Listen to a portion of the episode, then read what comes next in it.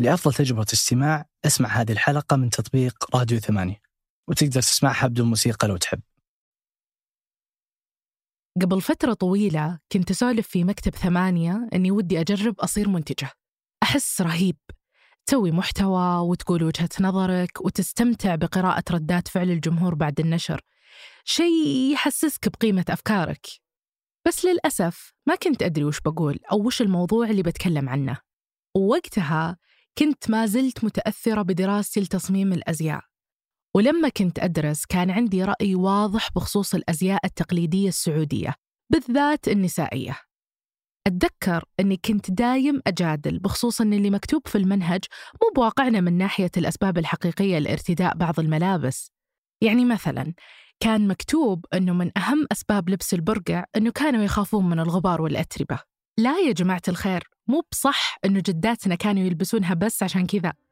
ولما أعلن عن المبادرة المجتمعية اللي شجعت الزي التراثي بمناسبة ذكرى يوم التأسيس السعودي وشاهدنا كلنا التفاعل اللي حصل بسبب ثيمة المبادرة نفسها. المملكة تحتفل اليوم بذكرى تأسيس الدولة السعودية الذي يوافق الثاني والعشرون من فبراير من كل عام. وبهذا الإعلان سيسجل تركيز كبير على الأزياء الوطنية. فالبرقع رغم تنوع أشكاله أخذته النساء والفتيات كأهم عنصر في الأزياء الخاصة بيوم التأسيس بأول وكثرت المناقشات حول البرقع بالذات خصوصا أنه كان أهم قطعة نسائية شجعتها المبادرة وتفاعل الجمهور بسببها. البرقع اللي عبارة عن قطعة قماش تغطي الوجه يختلف عن النقاب. فتحة العيون فيه واسعة ويكون أقصر من النقاب وغالبا يرتبط بأجيال سابقة. كان دايم يثيرون فضولي النساء اللي يلبسون البرقع طول الوقت وأزواجهم وأطفالهم ما عمرهم شافوا وجيههم. ولو بحط نفسي مكانهم بقول ماذا لو انولدت وأمي تلبس البرقع طول الوقت؟ بمعنى أنه شكلها في ذاكرتي على مراحل عمري كاملة بيكون ملتصق بقطعة قماش. شخصياً مجرد التفكير بهالشي كان غير مريح وغريب وخلاني أفكر ليه هم قاعدين يسوون كذا. لو قلنا كانوا يلبسون عشان الغبار زي ما يقول المنهج ليش تلبس البرقع داخل البيت طيب؟ وعشان ما أصير زي المنهج أجيب سبب من راسي. لازم أعرف السبب منهم. بديت أبحث بالموضوع من يمين ويسار. أعرف واحدة تعرف واحدة تعرف واحدة تلبس البرقع طول الوقت. كانت خطتي أني أتصل عليها وأسوي معها مقابلة بسيطة وأسجلها بجوالي. اتصلت عليها وعرفت بنفسي. ولما قلت لها أني أبي أسجل تجربتك ونسولف شوي رفضت وقفلت الخط بوجهي. وبعدها اتصلت على الثانية والثالثة والمدري كم. كلهم إما تهربوا أو سكروا بوجهي لما قلت إني أبي أسجل. اللي جاب بالي وقتها إنه المشكلة في إني عرضت الموضوع بالجوال. ما حد بيتكلم عن شيء من خصوصياته لشخص غريب وهو عارف إن هالمكالمة مسجلة. التحفظ اللي واجهني في البداية خلاني أغير الخطة وأقول ما لها إلا مقابلات وجه الوجه. وفعلا لقيت واحدة من المعارف. اتصلت واخذت منها موعد نجتمع سوا ونتقهوى ونسولف. خالتي الله يسعدك يناسبك نتشاور في الساعة 4 العصر. وجاء اليوم المنتظر اللي كانت الأسئلة في راسي تتزاحم. كنت بسألها كل شيء يثير فضولي تجاه البرقع. جهزت القهوة وزدت الزعفران فيها. حسيت إنها طريقتي المخفية في شكرها على قبول الدعوة. وفعلا جت على الموعد. أخذنا وقت بالسواليف العادية. وشلونك؟ وشلون الأهل؟ وأنا أصب لها الفنجال وأعرض عليها فكرة الحلقة وهي مبسوطة وفخورة فيني. كانت تاخذ وتعطي بالكلام إلين جت اللحظة اللي قلت لها عن رغبتي بالتسجيل معها وتوثيق هالمحادثة صوتياً. هنا تغير الجو. كانت هي كذا رافعة برقعها شوي بتشرب فنجان القهوة اللي توني صابته يعني أنا أتذكر. أني كنت أناظرها وأتكلم. فجأة شفت ال- الشيء اللي قريب منها قريب صار يبدأ يقرب مني. فاللي استوعبت إنها فعلا رمت الفنجال علي. فعلا ما, ما تمزح. يعني رمت الفنجال في وجهي. زي ما سمعته بالضبط. بدون مقدمات. تبللت ملابسي بالقهوة الحارة وتحسرت على الفنجال اللي مس على وجهي بالخير.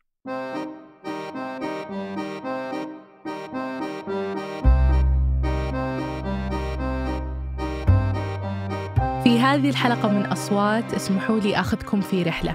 معي أنا وفاء عبد العالي. بودكاست أصوات هو أحد منتجات ثمانية. في كل حلقة بنستعرض قصص حقيقية بأصوات عربية يتكلمون فيها عن تجاربهم وجانب من حياتهم. بعد الأكشن اللي صار لي في يومين بدأ الموضوع يشغل تفكيري أكثر وأكثر وبديت أبحث عن سيدات أتكلم وأسجل معهم. انصحوني إني أروح المحلات البراقع الموجودة بسوق حجاب. يمكن ألاقي أحد هناك يسجل معي. وفعلا من بكرة رحت المكتب وأخذت معدات التسجيل وتعلمت عليها وطلعت. قبل ما تبدين تسجيلاتك فرمتي. إيش؟ قبل ما تبدين تسجيلاتك فرمتي. أوكي. وجهتي كانت سوق حجاب. المعروف بأنه سوق شعبي في شرق الرياض. عمره أكثر من أربعين سنة. جمعت كل أسئلتي وأدوات التسجيل وتوكلت على الله. وفاء. وفاء. يوم وصلت للسوق كان عبارة عن مجموعة محلات صغيرة متلاصقة تفصل بينها ممرات ضيقة. كنت أمشي وأنا مغبية المايك بشنطتي كأني مسوية شيء غلط. تمشيت في السوق. كنت أدور عند عطار مشهور أيام زمان اسمه عطار البحرين وكانت جنبه محلات البهارات والمحامص. مشيت لين جت بوجهي محلات البراقع. دخلت أول محل وكان الأكثر زحمة بس تراه محل مو بزي اللي متعودين عليه في المولات. كان تصميمه عبارة عن مربع كبير فوقه مربع أصغر وفوقه أصغر. لين ياخذ شكل الهرم اللي يتوسط المحل. معروضة عليه البضاعة بشكل يغطي الهرم بالكامل. كل رف كان يعرض نوع معين إما جلابيات أو براقع أو عبايات وطرح. وفي قمة الهرم تجلس راعية الحلال على كرسي وجنبها طاولة فيها ضيافتها. من قهوة وموية وحاجيات تسلي وقت فراغها. طريقة التسوق الجديدة أبهرتني. أعجبني كيف أن المحلات لها طابع غريب ما تعودنا عليه. حتى لما تنتهي الزبونة من التسوق ترمي لها البائعة كيسة بلاستيكية من فوق لتحت بحيث تحط أغراضها ومبلغ الحساب المتفق عليه واللي بالغالب ياخذ دقائق للاتفاق أو بمعنى أصح مكاسر.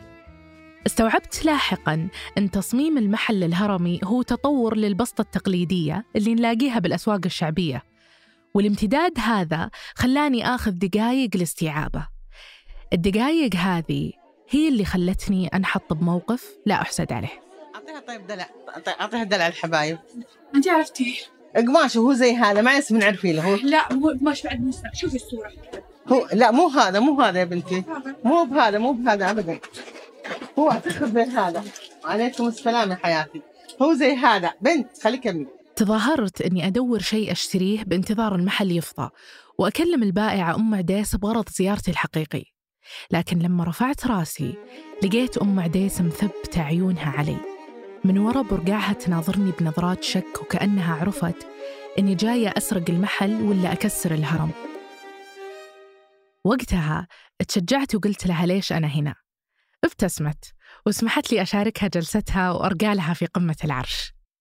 حلوة حلوتي أنا استغرب أنا استغربت وربي إني استغربت اسم دخلت على أنا راني بين البراقة ستايلت ستايلت ينكر ذلك. أبدا. يا عمر الله يسعدك. أول ما دخلت عليك وش قلتي هذه وش والله والله استغربت حركاتك. استغربت حركات كنت أنا حتى تلاحظين اناظر في بعيني أقول هذه إيش تبغى هذه؟ هذه إيش عندها هذه؟ هذه لا هي ويا البراقع ولا هي ولا تعرف البراقع هذه المرأة لها هدف بس مش مش هدفت. وهدفي أكيد كان إني أسولف معها وأعرف إجابة أسئلتي اللي بديناها بالحديث عن بدايتها المزاولة مهنة بيع البراقع والله أنا بدايتي قديمة. بديت وأنا توي بنت يعني معي أطفال صغار. والله واشتغلت أول شيء في الملابس الأطفال. نبيع قطع. بعدين استهدفني البراقع. حبيت البراقع. حبيتها أكثر مما حبيت الشغل في الملابس. لأني أشوف الناس يقبلون عليها كثير. في ناس يجون عندكم براقع؟ عندكم والله ما عندنا ملابس. عندكم براقع؟ قلت لا والله ما عندنا إلا ملابس. وذيك يمكن عام 1400 يمكن وأقول يمكن 1410 كذا أو 11 10 10 أظن. وأنا والله حبيت قلت راح أمشي في ذا المجال. وفي زيارتي لمحلات البراقع المتلاصقة جنب بعض شفت بائعات بأعمار متفاوتة. ولكن يغلب على السوق هيمنة الكبيرات في السن اللي لهم سنوات في مجال بيع البراقع. الموديلات الجديدة تنزل عندهم أول وعقب يسمح للبائعات من أعمار صغيرة بالبيع. وإي صح كنت بعد كل مقابلة أفرح من ردة فعلي اللي قابلتها. لما تاخذني تعرفني بزميلتها أو مثل ما يقولون جارتها اللي هي صاحبة المحل المجاور لها. وأم عديس بعد ما انتهينا عرفتني بجارتها أم سفر اللي كانت برضو تبيع براقع. أول ما جلست معها سألتها عن كيف كان بس البرقع؟ بالعكس كنت أتمنى يجي عمري 12 م- أبغى ألبس البرقع ذا اللي الناس كلها لبسته كل البنات عندنا نشوفهم آه، بنت فلان لبسوها اليوم برقع أنا متشوقة لليوم ذا اللي بيلبسوني فيه برقع. لما جاء عمري 12 خلاص تقول أمي لا. خلاص صار عمري 12 ما تطلعين غير برقع. تحسين البرقع هيبة تحسين البرقع كشخة. يعني إذا كشفت لا أحس إني ما أدري. هذا طبيعي تعودت عليه من يوم عمري 12 سنة. واحد من أهم وأكبر الأسئلة اللي كانت مثيرة اهتمامي خلال البحث هي عادة لبس البرقع داخل البيت. يثير فضولي ليه تلبسه بين زوجها وأطفالها. كنت مستغربة ليه دائرتها القريبة ممنوعين من رؤية وجهها. سألت عن تاريخ هالعادة وبداياتها وجاوبتني أم عديس تخبرين الأولين في خيام ولا في مزارع؟ اللي يمر يكشفهم. يكشف اللي في مزرعتها أمي كانت أول شيء في في كانت عند أخوها مزرعة. وأبوي كان عند أبوه إبل وكان عماتي في إبلهن و- وكان إني يقول إن إن يعني تخبرين الفضاء جو. الناس تشوفها من بعيد. تضطر إنها تطلع عيناتها تغطي وجهها. الأولين يأكلون يشربون براقعهم عليها. بعض الحريم ترقد جنب رجلها وبرقعها لويته الشرشف عليها. هذه أم مطلق بائعة براقع. جارة أم عديس وأم سفر. تقول لي قصة زواج أم زوجها. حماتها يعني في الزمانات. يقولون آه، فلق أول قصة تعلمني حماتي. تقول والله إني قالوا يا وضحة ترس بتعرسين قلت ها؟ بتعرسين؟ قالت يا من البدو الأولين. قالت وأنا أروح يوم؟ قالوا قالوا روحي روحي. المعرس بيدخل في الليل. قالت أنا أروح وأنا أتروش وأنا أنفض شعري. كذا كذا كذا كذا. وأنا أنفضه أنفضه أنفضه أنفضه وأحط عليه شوي مشاط وأنا أربطه تقول يوم جاء المغرب عقب العشاء ويدخل علي. تقولوا من أوله يطرحون البيت الشعر عليها هي وياه. اطرحوه اطرحوه اطرحوه تقول يطرحون علينا وياه. تقول أقوم أبي أقوم لو أن البيت الشعر علي. حمات أم مطلق اسمها وضحة في ليلة دخلتها طيحوا بيت الشعر اللي هو الخيمة عليهم عشان زوجها ما يشوف وجهها بدون برقع. والصدق مدري هل هم يوم سووا كذا كانت من باب المزح أو جادين. طيب هل كان هذا الشيء برضاها؟ أو كانت تقدر تعترض؟ يا ما يقولون شيء يا الأولات. هالحين ما عاد فيه لا تعب ولا شقعات وأنا أتمشى بين الممرات الضيقة لسوق حجاب. كنت أفكر بالنساء اللي قابلتهم قبل شوي. ولاحظت أنهم على اختلاف أعمارهم ورغم أنهم يلبسون البرقع إلا أنهم ما يلبسونه طول الوقت عند أزواجهم داخل البيت. إلين شفت على يميني محل براقع تجلس فيه سيدة كبيرة بالعمر. ولقيت أم غالبة الحربي لبست من يوم كان عمري 15 تبني حدد لت من يوم عمري 15 بنيت يوم جاء جا 17 وب- وأبوي جوزني الله يعطيها العافية. تجوزت ووصلت حتى 18 ولبستيه بر- برضو عند زوجك؟ يعني جوزي. ما يقول وي يا ويلي لو إن أنا مفرع عندنا صغيرة ولا ولا نطلع مفرعين مع لنا براقع. إيه هاي سونا إيه والله يا ليت. يعني كنتي حتى تلبسينه ببيتك يعني طول إيه الوقت. إيه كنا طول الوقت.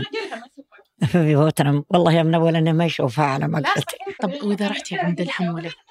لا يا ويلي يا ويلي لو اوطي اي والله.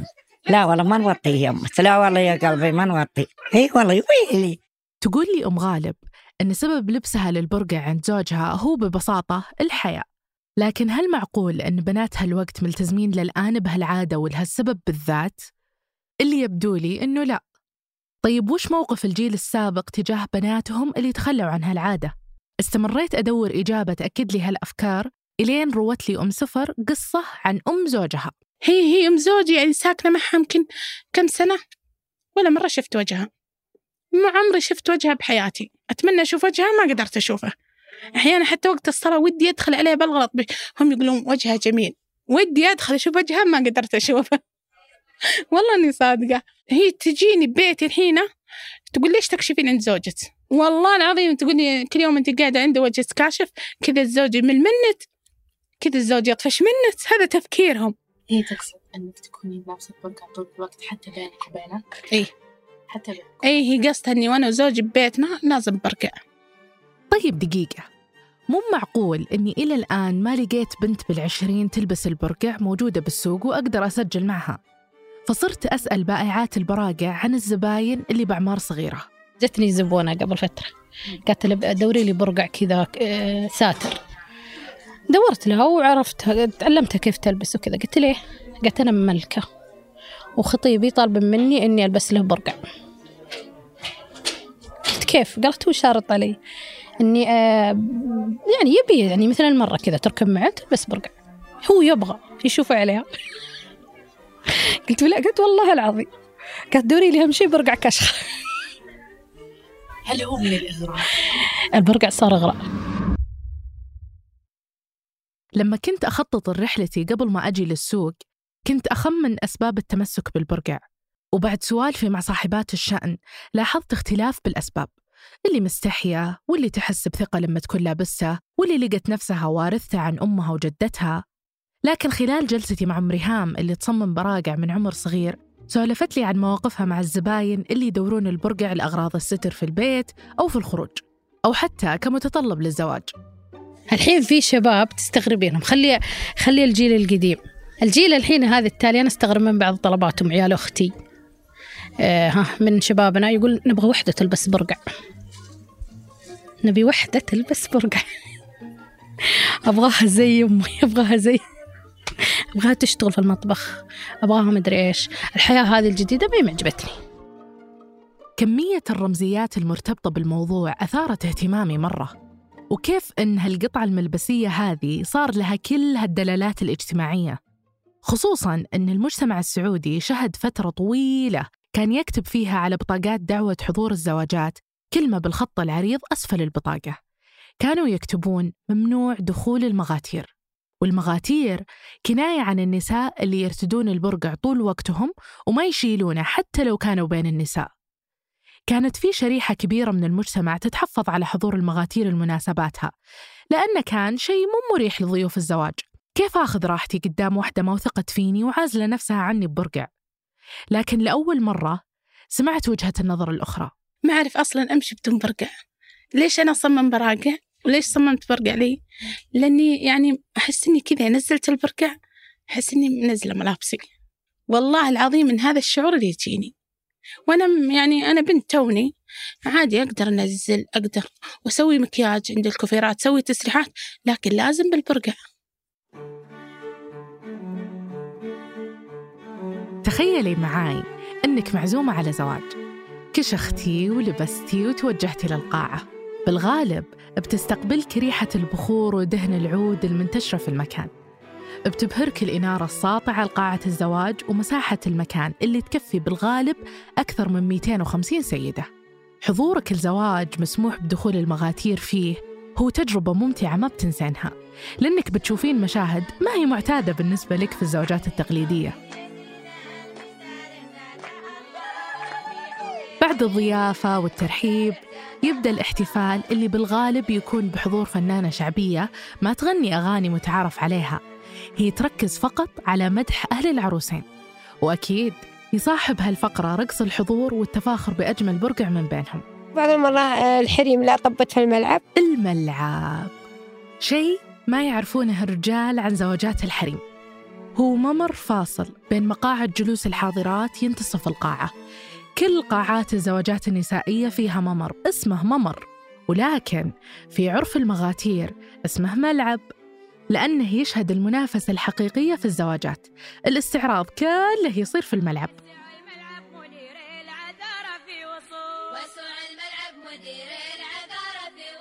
أحيانا وحدة ترقص بس ما تبغى تكشف. فك شعرها وفستانها حلو بس ما تبغى. فلما أنت تتحمس مع الرقص ترميه أو وحدة تجي ترميه عنها يعني إنه أنت حلوة ليش تغطين؟ فهمتي؟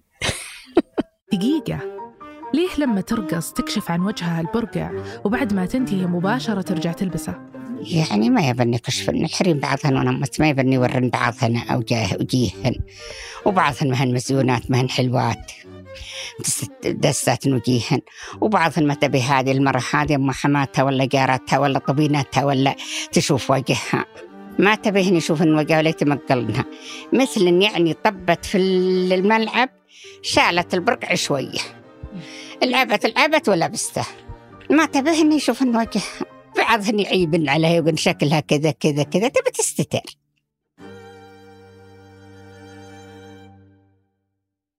عرف الزواجات النسائية في السعودية بالغالب يصير فيه عدة فعاليات حماسية اللي من أهمها الاستعراض. ومنها الأشهر في كل الأزمنة والعصور البحث عن عروس للأبناء العازبين. واللي موجودات كلهم. كيف تقول نزلوا البرقع. لا يغرس لا تخطب وحدة مبرقعة لازم تنزل البرقع.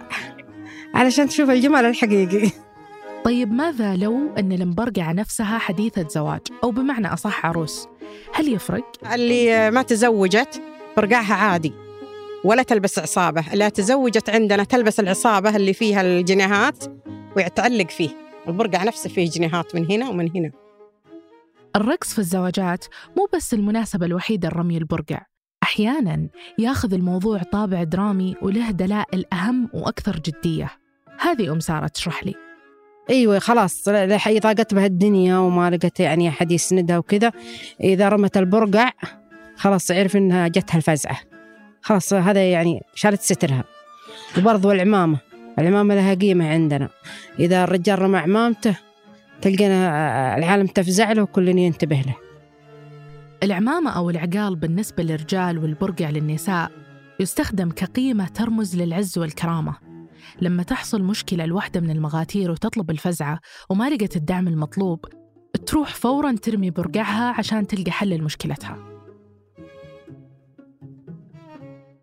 المجتمعات اللي انشأت على وجود البرقع كشيء أساسي يغطي وجه المرأة وما يظهر منها إلا عيونها اختلفت في وجهات النظر في أماكن لبسه.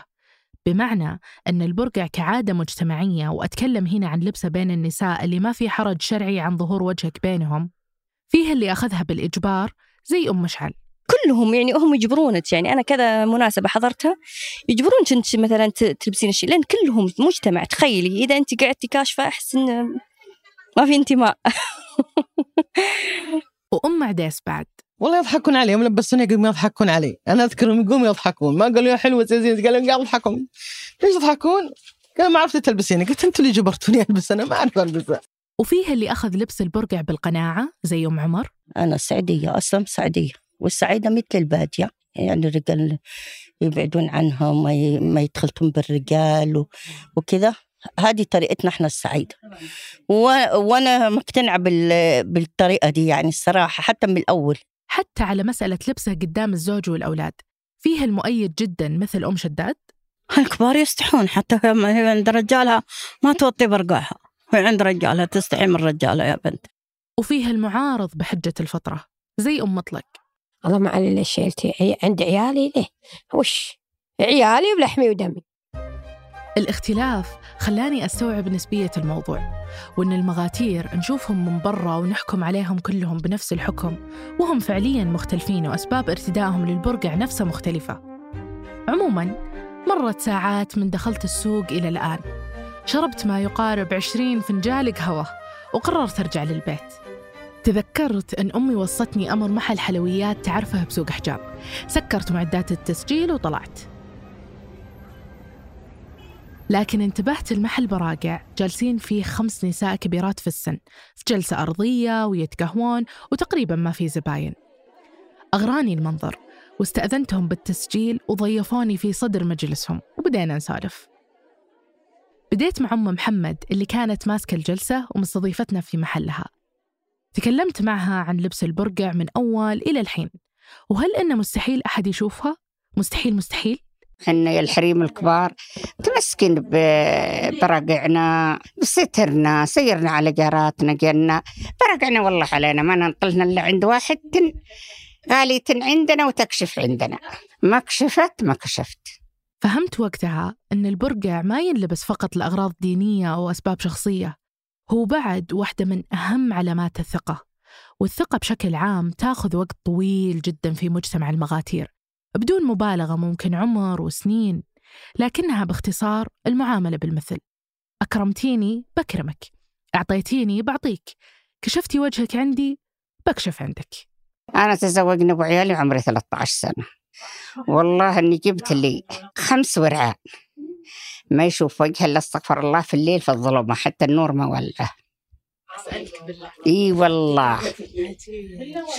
احسني اللي ولع النور قلت خلاص أنا بطلع من الغرفة.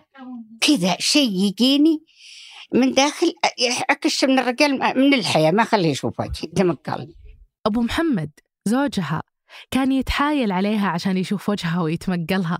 أحيانا يجيني وأنا جالس نصب له ولا قهوة ولا شيء يمسك البرقع ويشله ويحطه مخباته.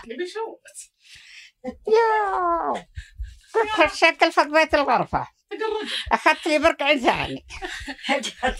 وتبرقعت وجيت. قلت والله شلتها ما عاد أقعد عندك. زي ما تشوفي لك رجالة من هناك وأنت كاشفة استحيتي ولفيتي ولا شيء.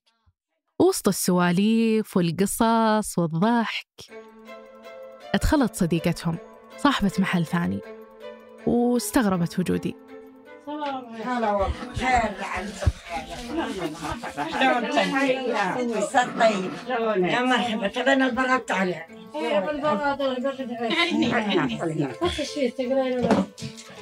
ما تقرا هذه مقابلة مقابلة الله يوفقها ويجزاها خير لا يشرع لبسة البراءة قبل روحي في محلك في محلك ها؟ بعد تطلعين صوتة للناس ها؟ طلعين صوتة للناس فجأة تغير الجو وبدت أم محمد تبرر وش قاعدين نسوي. خفت إني أحرجهم وشلت أغراضي وطلعت. وإيه مريت المحل حق أمي. في طريقي للبيت وقفت أخذ آيس كريم. يبرد على قلبي حرارة أحداث اليوم وقعدت أفكر باللي دخلت علينا وحساسيتها من التسجيل.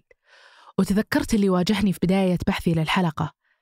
كم مرة تسكر الخط بوجهي وأثر جرح الفنجال على راسي؟ يعني يمكن أفسر الموضوع ببساطة وأقول ما يبغون يسجلون أصواتهم ويسولفون عن خصوصياتهم لكن في شيء قالتها اللي دخلت علينا تو غيرت الطريقة اللي أشوف فيها هذا الرفض والدفاعية. وش تمسكنا فيه امسكي امسكي بس خلي ما سامع الكلام. كان البرقع خلال السنوات اللي راحت علامة تميز فئات مجتمعية محددة وصارت لابسة البرقع تحمل صفات اجتماعية مرتبطة بالقدم وعدم المواكبة والتحضر. لذلك كثير من المغاتير ما عاد صاروا يورثونه لبناتهم أو البنات ما عاد صاروا يبونه علشان يفرون من هالوصمة. عشان كذا اللي كنت أحاول أسجل معهم في البداية كانوا يقولون لي راح تستهزئين فينا أو ما راح تفهميننا.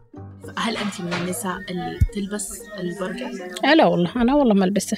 شخصيا ما ألبسه إلا في يعني آه، مناسبة مخصصينها للبرقع آه، إحنا يعني صديقاتي كذا.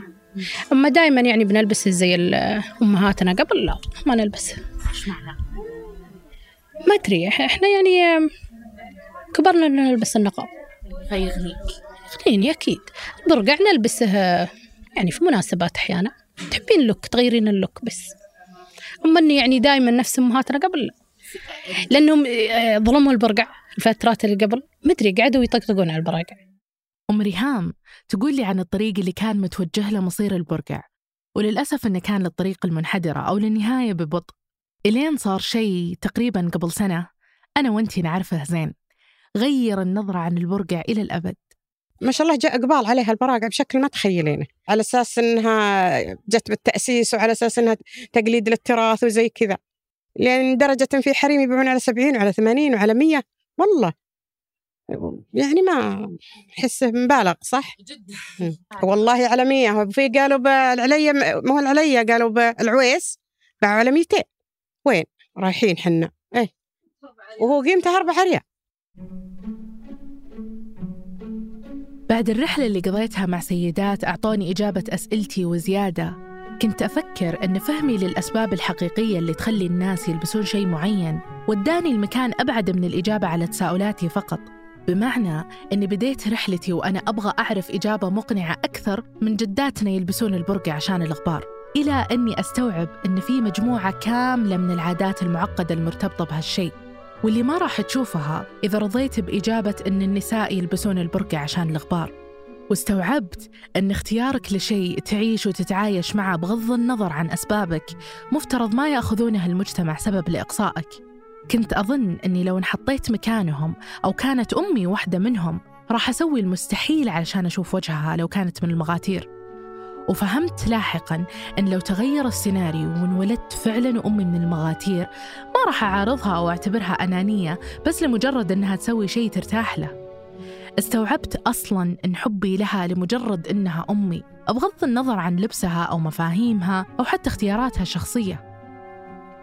بعد ما رجعت البيت وأنا منهكة وراسي ينبض من كثر التفكير انتبهت لظرف كان موجود على طاولتي.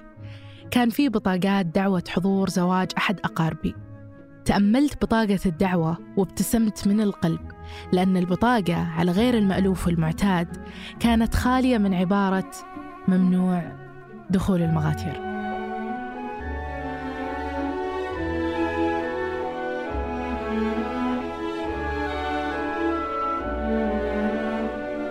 أخرج وأنتج هذه الحلقة من أصوات أنا وفاء العبد العالي. ساعدني في إنتاجها مشاري الحمود. صمم غلافها رفال الغيلاني.